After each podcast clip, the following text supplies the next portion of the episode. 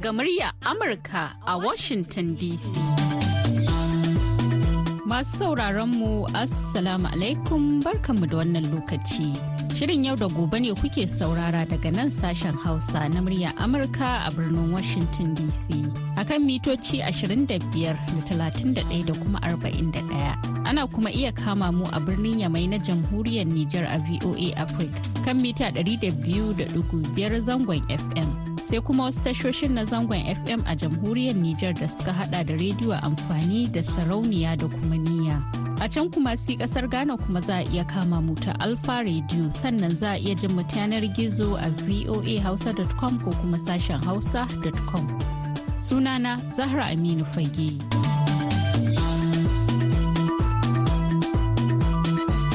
A yau talata goma sha uku ga watan Fabrairu na shekarar 2024. Shirin yau da gobe zai leƙa Ghana tare da wakiliyar Hauwa Abdulkarim. Inda a yau shirin namu zai tattauna ne akan wai shin iyaye na da alhakin lallacewar 'ya'yansu ta ɓangaren tarbiyya? Sannan wakiliyar mu ta tattauna da ƙwararre akan ilimin halayyar yara da gyaran hali. Baya ga haka kuma za mu leƙa ɓangaren nishaɗinmu daga ƙarshe kuma za mu leƙa zauren girke-girkenmu. Sai a gyara zama a kasance tare da shirin yau da gobe.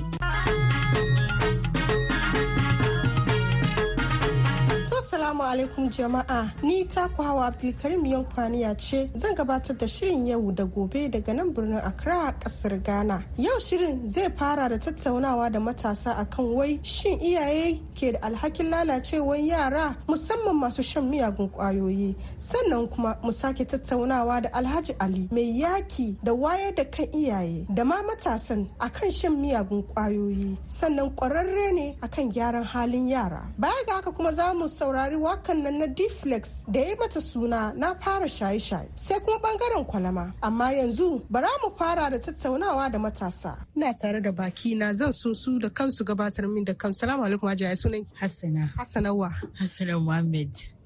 Ya kuri kaifa? Ai ni sunana charles peter. Wani aiki kake yi? To ni maɗinki ne ma'ana tela. To malam fa. Lawan sha'ibu. Yau tattaunawar mu yana kan wai shin iyaye na da alhakin lalacewa 'ya'yansu wurin shan miyagun ƙwayoyi? Tabbas zan iya ce maki eh suna da hannu ciki ta wani gefe kuma ba su shi. Saboda kin san yaro dama an ce ka haife shi baka haifi halinsa ba. A matsayin iyaye kai baban yaro ko kuma ke maman yarinya ya kamata yaran nan da suna tasowa mu mai da hankali a kansu shiga da fitansu ina suke zuwa? Wa suke tafiya da shi? Wani a irin alaka suke da wanda suke tafiya da shin nan? Shi kuma wannan yaron a matsayin ka kai na uba ya kamata ya zama abokinka na kusa da kai wanda zai iya ya zo ya faɗa maka damuwan shi. Kai kuma ya zama to cewa idan ya faɗa maka za ka ƙoƙari ka make sure shi ɗin nan ka faɗa mashi abin da zai kamata yi. Amma iyayenmu yau suna ganin kamar reni ne yaro ya zai same ko yarinya ta zo ta same ki ta ce miki umma wani ya tare ni hanya na samu wani saurayi. Idan ta faɗa maki a matsayin ki na uwa za ki mata magana. Wata za ta dawo sha biyun dare ƙarfe uku ta zo ta buga ma iyaye ƙofa su buɗe mata ƙofa ta shiga ta kwanta ba wanda zai tambaye ta. Wannan duka sakacin iyaye ne. Lalacewan yaran mu dewa yau sakacin iyaye ne. Shi yasa ni gaskiya zan kira ga iyaye mu mai da hankali akan yaran mu. Na tuna da wani lokaci na yi ma baba na laifi da na je nan bashi hankuri. Yana fushi. Na ga to ai mutum idan ka ce ma mutum duk fushin da yake yi idan ka ce mai yi hankuri zaka ga ya hankura. Sai daga baya na ce mishi na ce ka yi hankuri amma still kana fushi. Bude bakin shi ya ce ba wai fushin laifin da na yi ba ne yana fushin in yi ƙoƙari in gyara wannan kuskuren ne. Shin kina ganin akwai yara kanana da ke shan miyagun ƙwayoyi? Kwarai kuwa yau mu matasan da muke tashiwa wani in ma na nan shi ka ga we ta ta doki wan sidin ta ta si da shabu shi ka ji in ba ta kawo wannan kuɗi ba ban ba ta kuɗi ta sai abinci shi ka ga maman yariya ta bai yariya ya mace ta kwanan yunwa dan Allah mu farma juna gaskiya. In yau kin bar na kwanan yunwa gobe na kwanan yunwa jibin kwanan yunwa she maybe makwabcin mu ina dan mika min 55 sidin na sai abinci. Na koma da yadda na kan shi kenan. Ya ce zo ki sai min abu zo ki share min daki. Yau ko me faru kanki ne? Wallahi ma kina da hanya. Izai ya ki taimaki abu kowane hukunci ki doki amma wani kwanan yunwa. A sam. Amma ni na na yadda kama in ya ki ta gan fushin ki ya fi dukan ma. Ki fushi da ta kake magana da ta ma ki dai batta wannan ma yana cin ran mai shi ma ya karu ma dukan ma. Dukan ma kuma na sa mai shi ya ma gudu gidi ya shi ga wani ana dukan shi. Ba ma ce a ba da anko shi ga gobe ya samu wata abuya. A'a ni na kwana nan gani o ba ma na ba kowa. O wanda ma muke kwana wajen shi saurayin ma bai maka komi zo ki kwanta wurin ma mu zama. Yake ta gida waye kawo? Dukka yana wajen iyayen mu ne. Wadansu kuma nan ba iyayen ba ne kawayen da suke bi ne suke dai jan su. Kamar yadda ƙwarai kuwa wallahi ƙwarai kuwa in ma kika je wurin izan kin mani wallahi sheki kuka ranki ya bata. Wurin na garin mu a garin mu a kira gana muna kiran waje sudumu yan gumura wanda suka sani kuma suna ce konkomba me ake yi me ake wurin? Yaran da suka gudu gida shan giya abin da dai zama na aikin banza duka wurin ne. Wasu kuma na wurin ban ce aikin banza duka. Wasu kuma na wurin su ma sun fito kauyukan su ne suka zo. Sun ka zo suka samu idan kiyos dai suna kwana suna aiki. Wani ya samu isa iyaye mu ku bari don ku zo kanmu wallahi muna ba ku hankuri. Wai abin ya kai tashin hankali haka? Ai inda akwai abin da ya wuce tashin hankali sai in ce miki ya wuce. Saboda yanzu abin ya lalace sosai. Kuma abin ya ɗauko asali daga wurin iyaye. Wani lokaci iyaye suna ba da gudunmuwa. Saboda so da uwa ta ɗora wa ɗa ko uba shine zai sa a ga ɗanka ya yi wani abu wanda bai dace ba. A zo a same ka gaya mai sai ka hau ihu ka ce ai an ma yaron ka sheri. To shi kuma ka ƙara mai ƙarfin gwiwa ne. Tun kana jin wai haka gani da idanka daga lokacin da zaka lura da cewa yaron nan ya ya fara abun nan fato ya riga ya ƙarfi yau yaro ya fita waje ya je ya samu aboki yana abun ya kamata ka bincike gane waye ne abokin shi. Yaro yana gida ya fita. Ya je ya samu mugayen abokai. An zo an gaya ma ka ce sheri ake mai. Ka ka daure mai gindin gobe ya koma kenan. So haka yan mata da kike ganin su nan suna fita. Wani lokaci kwaɗayi ne na iyaye. Yarinya ta fita ta ce ta dan kawo miki wani abu wani 10 cd 5 cd kin karɓa baki bincike ta ina ta samu ba. Wani sana'a ta ta samu? In bata aka yi waye ya bata a baya ko tafiya kake da babanka ko mamanka wani ya ɗauki wani abu ya baka kai na jin tsoron ka karɓa tarbiyan baya kenan. Amma yanzu abin ya lalace. To jama'a yanzu za mu sha ruwa mu dan huta da wannan wakan naza yaron zamani.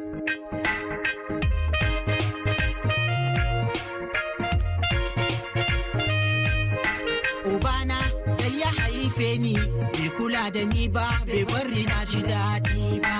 Uban naza yaron zamani bai damu da shi ba bai kai shi makaranta ba. Aure yake ta yi da haifuwa kuma matan da 'ya'yan ma ya dubawa. Ubannin muku dai na wannan rayuwa wannan rayuwa tana kawo damuwa. Ubannin muku dai na wannan rayuwa wannan rayuwa tana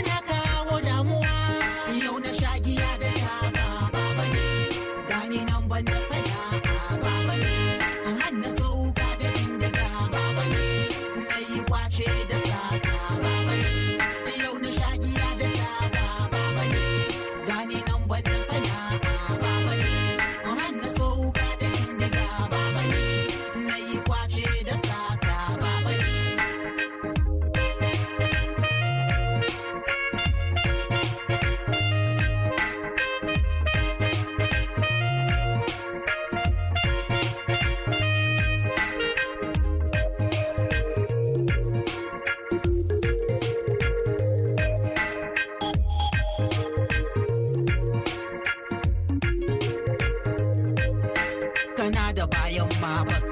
goya ni ba kai ka haife ni baka duba ni ba kana da bayan ma baka goya ni ba. Kai ka haife ni baka duba ni ba wane ne zai duba ni? Wane ne zai kula da ni? Wane ne zai duba ni? Wane ne zai kula da ni? Na tambayanka Baba na tambaya hey, tambayanka. Wayo na tambaya. Na so a ce na yi university. Takadduna komai na yayi quality. In zama doctor ga gida ga infinity. Kana nufin cewa da za ka yi security. Na tambayanka. Oh, baba na tambaya hey.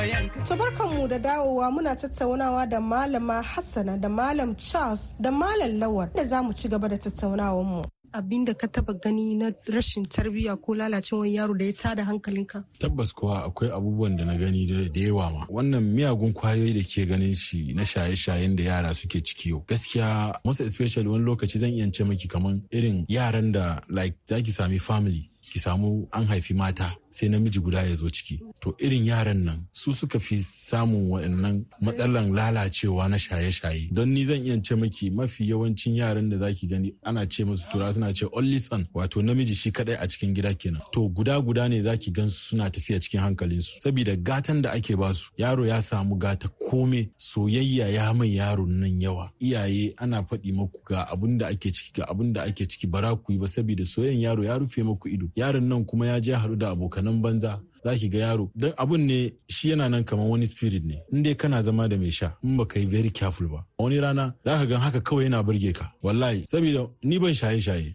Amma wani rana sai in ji ma da ina shaye-shayen nan. Saboda zaka gan wani abu an maka na renin wayo amma baka da zuciyar da zaka fito ka yi magana. Sai ka ji da kana shaye-shayen nan da ka iya ka samu wannan vim ka zo ka yi magana. Amma saboda kunya da kake da shi ba za ka iya yi ba. Shi yasa waɗansu suna yi sai ba wai wani abu ba ne saboda kawai irin ai raina ya ɓace bari in je. To ka ranka ya ɓace kuma kana tare da wani aboki mai sha ka ranka ya ɓace a gida ka zo waje shi kuma yana nan a kai ka yi hankuri mana. To ai to gashi mana kawai ka ja wannan ya kwantar ma da hankali. Shikenan shi kuma ya ja kawai can an jima ya ji wani nishadi ya shige shi. Daga nan shikenan yaro ya zama abin da ya zama. Ja ɗaya kawai ya karar da rayuwar shi duka. Wato lamarin ya yi nisa kenan. Gaskiya a cikin yaran da suke shaye-shaye yanzu wallahi hajiya a cikin 100% ɗan yance maki kaman 55% duka yanzu shaye-shaye ya ɗauke su. Wallahi shaye-shaye duka ya ɗebe mana yara matasa da yanzu haka. Ƙasa da shekara nawa? Yara masu shaye-shaye yanzu haka kafin ma ki ga wani mai shekara talatin yana shaye-shaye sai kin yawo kina nema. Amma daga kan shekara sha bakwai sha takwas zuwa ashirin. Wallahi hajiya idan kika je nan bakin gota idan kika shiga wallahi sai kin san kaman an yi asaran masasa. Wani yaro in kika gan shi ga mutum iya mutum amma shaye-shaye ya bata shi. Kuma shaye-shayen nan ya fito asali daga iyaye ne. Saboda wani lokaci gashi nan iri-iri yaron nan ana so a dakatar da shi amma iyayen nan ba su yadda. Wai akwai lokaci gwamnatin Ghana ta fito ta so ta dakatar da yaran nan wurin shaye-shaye. Iyaye sun ce su ba su yadda ba a bar masu yaran su. To da gwamnati aka zo aka cire hannu kan yara ga inda yaran suka kai yanzu iyayen ke nema a zo yaran nan su bar shaye-shaye su kuma sun ce ba su yawa saboda lokacin da aka so a dakatar da mu ku iyaye ba ku goyi baya ba. Kun ce ana kama muku yara. Zaki ga yaro shekara goma sha bakwai yana tafiya maki kaman iska tafi kaman yane yana tafiya yana leyi haka yana tafiya kaman wani kazan da ya hauka irin kazan ya yi rashin lafiya. In san kazan ya rashin lafiya in lafiya ya kusa ya samu kinga zai hauka. Yana tafiya yana buga kai a kasa yana gefe gefe so shaye-shaye gaskiya ya yi ƙarfi cikin community mu yau ajiya wanda kuma in ba an yi da gaskiya an tashi ba yaran nan inda suke tafiyan nan gaskiya nan gaba za zo ana neman matasa wanda za a je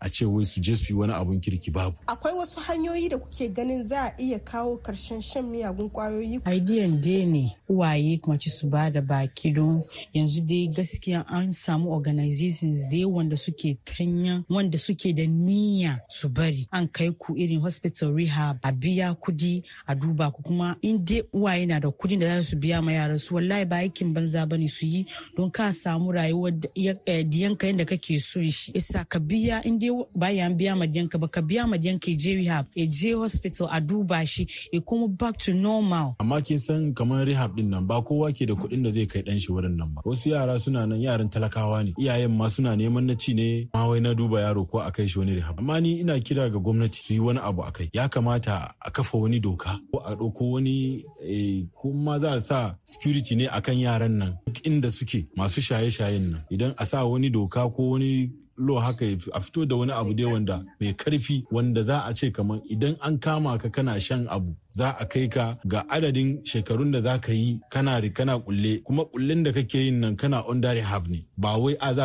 a rufe ka ana gana ma azaba ko prison ko wani abu. A'a za a rufe ka na shekara biyu ko uku ana make sure an kaman rehab ne like ana duba ka ana make sure kaman wannan abun mind din shaye-shayen nan a yi ƙoƙari a cire ma shi a gyara ma mind ɗinka. Kafin mene a sake ka? Wanda iyaye za ka iya ka je ka duba yaronka amma bara a baka shi ba sai wannan adadin lokacin ya kai sai a saƙon maka shi. Wanda kai in iyayen nan kuna da kishin ɗanku in kuka ga ɗanku lokacin da zai fito za ku san kamar an taimake ku ne. Ina ga idan an yi wani abu makamancin haka to za a samu sauƙi. Amma idan an ce wai muna cikin wani yanayi yanzu da ki gan kamar economic is very hard. Yanzu kowa yana ƙoƙarin na abinci ne. Ana neman na rufin asiri. Yauwa na rufe asiri ake nema. Saboda yanzu in kika duba mahaukatan da suke yawo a cikin anguwa duka yara ne. Ba za ki taba ganin tsohon mahaukaci ba. Duka matasa ne. Kuma haukan nan ba wai a an haukata su ba ne shaye-shaye zalla. To Dalla kafin mu tattauna da ƙwararre akan sanin halayyan yara da gyaran halinsu ku saurari wakan Deflex na fara shaye-shaye. Bismillahirrahmanirrahim farawa da sunan Allah.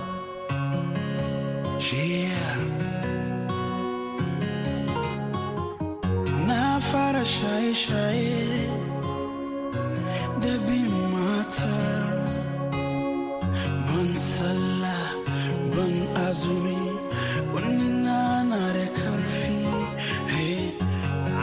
kira sallah shan shiga gari tunanai na duka ne gobe gobe na mutu yawa yana musulmai koyi ibada kabari akwai zafi musa hankali hey kabari akwai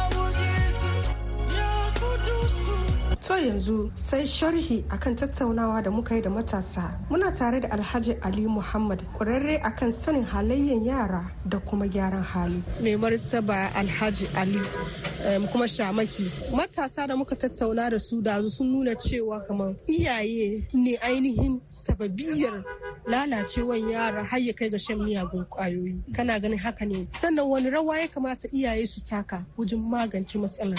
Ka lalle aka samu yaron da ya hankali ya gaya miki haka kenan yaro ne mai tunani sosai. Yaro ne kuma da ya san menene uwa menene uba. Tunda har ya san iyaye na da hannu a cikin rashin jinsu ko rashin shirin su. Me ke kawo haka shine mu da kanmu organization mu muna da research. Wanda research mu ya nuna mana yawanci iyaye na da sakaci. Wanda daga cikin program muna da program da muke ce da parental counseling. Parental counseling shine muna tara iyaye muna nuna musu yanda ya kamata suna hurɗa da 'ya'yansu bai yiwuwa a ce uwa ko uba kuna ɗaki baki san abuyan ɗiyanki ba baka san abokin ɗanka ba baka san inda ɗanka ke kwana ba baka san inda shi da wake fita suke shiga ba. Ko kuma a'a dan aboki nan ga wane ne ma iyayen shi? Wanga duka ya kamata iyaye ku sani. Na biyu shine me? Ya kamata iyaye ku tabbatar da kuna iya biyan bukatan ɗiyanku. Saboda true research mu kamar yadda kika yi magana za ki ga da dama yaro yunwa cikin shi kawai ma. Ya ishe shi ya wani abu. Yaro ya tashi za shi school musamman inda za shi ga ya kashe 10 cd shi ka zo ka bashi 3 cd a banza in baka yi ka bashi 11 cd ba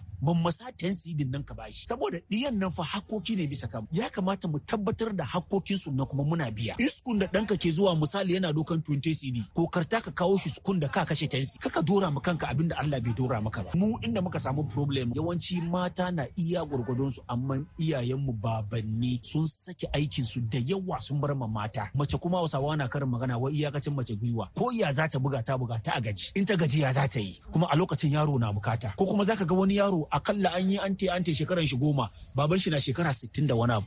Imajin ƙarfi nawa zai duba yaro shekara goma. Wani kuma cikin research mu zaki ga kaman baban shi ya rabu da man shi. Baban ya ya aure in manta ya aure. Mijinta bai son danta matan shi bai son dan shi. Ina kuka ajiye yaro? Wani kuma zaki ga an haifu yaron an je an ba kaka. Kaka ne dare yayi da wuya ma ta kai ƙarfe bakwai. Amma yaro na wani wuri ƙarfe goma ma yana yawo bata ma san me ake yi. Ya za ta yi ta duba wanga yaro? Shi yasa akwai wani misalan da muke ba su muka je programs. Muna mu ce musu TV ga da suke gani bai aiki shi da pole kuma pole nan da kake gani in ba ya daidaitu da TV nan ba baka samun hotunan da kake so. Hotunan ba zai kyau. Ba zai kyau ba. Misali muna nuna musu cewa pole nan da suke gani a sama kai uba a matsayin pole nan muke ajiye ka. Ke uwa a matsayin TV nan da ke daki shi muke ajiye ki. Quality picture nan da kuke gani diyan da za ku haifa ke. Yanzu in pole nan da TV nan ba su daidaita ba wani quality picture kuka san da ku samu. Shi yasa muna nuna muku cewa uwa da uba ya kamata ko da yaushe ku kasance masu mu'amala da shawara da ganin cewa ya za mu yi mu daidaitar da yaran mu tare da roƙon Allah. Akwai macen da abin da ke wuyanta kawai ya biya school fees shekara goma. Amma yaro na zama gida saboda school fees. Ta damu da rayuwa fiya ga abin da yaro ma zai mata wata rana. Wai kwakwaran ɗa sayayye shi kake cin amfani shi. She ka zo ɗiyan da ka haifa duka ba wanda ke da ilimin boko da arabiya rayuwa ko ta yaya she ka mutu. Yanzu me kake tunani? Wa dai maka addu'a? Wa zai tuna da kai? Bai ci ya koshi ba ma balle tuna yana da man da ta mutu. Balle tuna baba na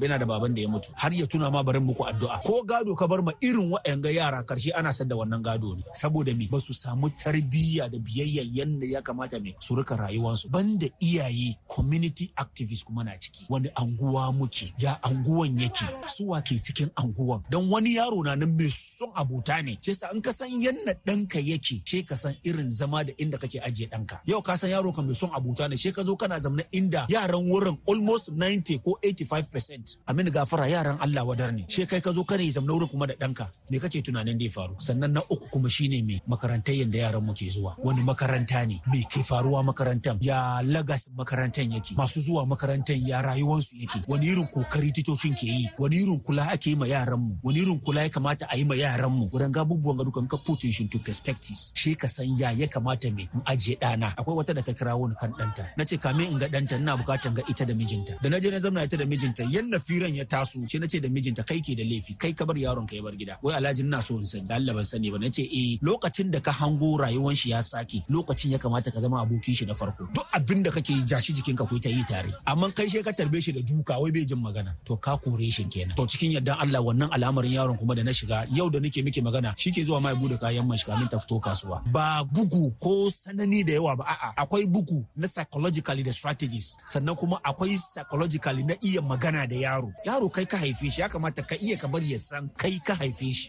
Lalata ta zo umma wallahi wani riga na gani ya mini kyau. Ne miki san wani riga ne na farko? Na biyu ya dace da addini. Eh ya dace da addini. In dai ko kina da iko sai mata rigan nan. Don da kin riga kin sai mata to kin kashe duk wani mugun tunanin da ke tare da ita ke kin kwantar mata da hankalin. Ba ta da ƙarfi. In baka da iko ajiye yaro bar ya san kai ka haife shi. Wance kin ga gaskiya rigan ga ni ma ya bani sha'awa. Kuma kika samu yana da kyau. Amma ki yi hankuri na miki alkawali. In Allah ya yarda na sai miki. Amma yanzu ki yi hankuri kin ji. A lokacin a lokacin ce ga ga wani tensi din ga kika fita ko wani yogurt ki sai ki sha. Amma ki yi hankuri na na sai sai miki kake damu. Kin kamunta kenan. Har kin nuna mata kin ma kin damu da rashin samu. Har kin lokacin duk wanda zai ce zai bata wani abu tana tunanin ma'ana ta ce mini. Ta sai mini. Tun da rannan ma na ta lallashe ni a lokacin da bata da kuɗi ma ta bani faisi di ma je in sai yogurt. Kenan tells you ba baki sai ba ne wo a lokacin ne babu. Ke ki doke ta da fira da wasa. Shi yasa lokacin da wani abu ya ta oh ke har yanzu? Oh kai wanga ma na ma ta sai wanga ma nawa ne. Ma na ta ce ta sai mini. Shi yasa kake mamaki kamin ta zo ta yi batu mai yaushe da ki sai ma hankalin ta kuma ya fita kai. Wani abu daban kuma me dai zo? In kuma lokacin akwai harkokin makarantayya ne ko na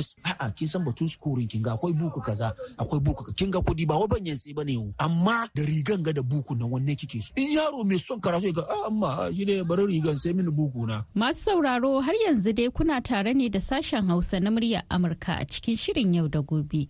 Da fatan dai kuna jin daɗin shirin namu na yau kuma kuna amfana. Kafin mu karkare shirin namu za mu leƙa zauren girke-girken mu.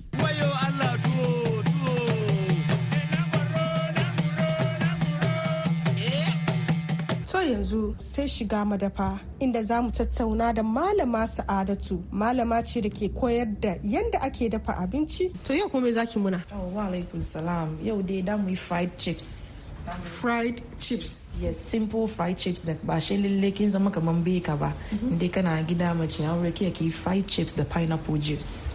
To me da me ya kamata ki nemi sannan ki fried chips? Okay, fried chips na kana need alkama, garlic da albasa. Garlic tafarnuwa. Yes, garlic da albasa da margarine kadan dai da gishiri da mai da daka soya.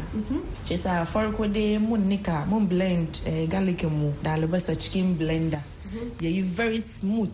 An markaɗa cikin blender. blender yayi very smooth. In yayi very smooth. Ne ka Laushi sosai. yes. Shi mu eh, doki gishiri kadan mu sa cikin alkaman mu. Shi mu yanka margarine kadan. Shi mu mix muka mix muka kare shi mu doki eh, garlic da albasan da muka blend shi mu sa cikin shi mu dama. Ka dama ka kare ka doki rolling pin ko wani bottle da kake da shi dai cikin kitchen ka. Ba lalle lalle shi ta abu ba. gida da ka yi ne ka dai kan tebur ka Ko kitchen cabinet abin da kake da shi duka ka dai ro in ka ro ka sa abu ka dai ka yayyanka dai shi ka sa cikin mai mai zafi ka soya. Ka dai chips ka kenan Oh. Mhm, shi ne fried chips. Shi juice da muke da shi. ka gane maybe adadin gishiri, adadin magi, adadin garlicin da ya kamata ka sa. eh gishirin nan da adadin wani na nan ina son eh, garlic da yawa wani kuma na son albasa da yawa wani kuma na son gishiri. Sa wannan nan to your taste. No exact measurement ba bai da need kamar shi ka measure. Mhm. isa in dai ka sa gishirin ka dandanan da alshinka if you are okay then that is it. Shi kenan shi ka yanka shi ka soya. yes. Shi eh, pineapple juice kuma ka sai aburbanka shi ka fere in ka fere shi ka samu eh, ginger ka kadro kenan shi ka gama cikin blender ka kara ruwa kadan shi ka blend in ka blend. Ka wadansu wanke shi pineapple kenan. yes. Za ka wanke shi. da Sai ka kadro nan fere. Mhm. ka fere ka kare shi ginger nan kuma shi ka goga jikin shi ka wanke dai har skin duka ya yi kyau ba kasa cikin shi ka yayyanka shi ma shi ka kara cikin blender nan ka kara mai ruwa chilled water ruwan mai sanyi kadan ciki ya kare shi ka Ka tace ko haka za ka bashi. wani na nan yana son a tace wani kuma na nan yana son ya sha da rofrijin nan shi sa it depends on you. Isa in ka tace if ya wuce wannan na kana ka samu wani abu yana da zaki. Shi baka kara mai sikiri. Amma inda abu bai da zaki ka dai kara mai sikiri ko zuma dai ne kadan pineapple juice din Sai ka hada shi da chips fried Chips. chips kana kallon tv shi kada mai gidanka kuna kallon TV sai ka yi. Wannan ba sai ka ce ka biya a kuɗi. A ka koyi ba. It's a simple food na kai kayan gida. Kada gidan kada yaran ka ku ci. Ni da na gabatar muku shirin ni ce ta kwawa Abdulkarim Yankwana nake cewa ku kasance da mu.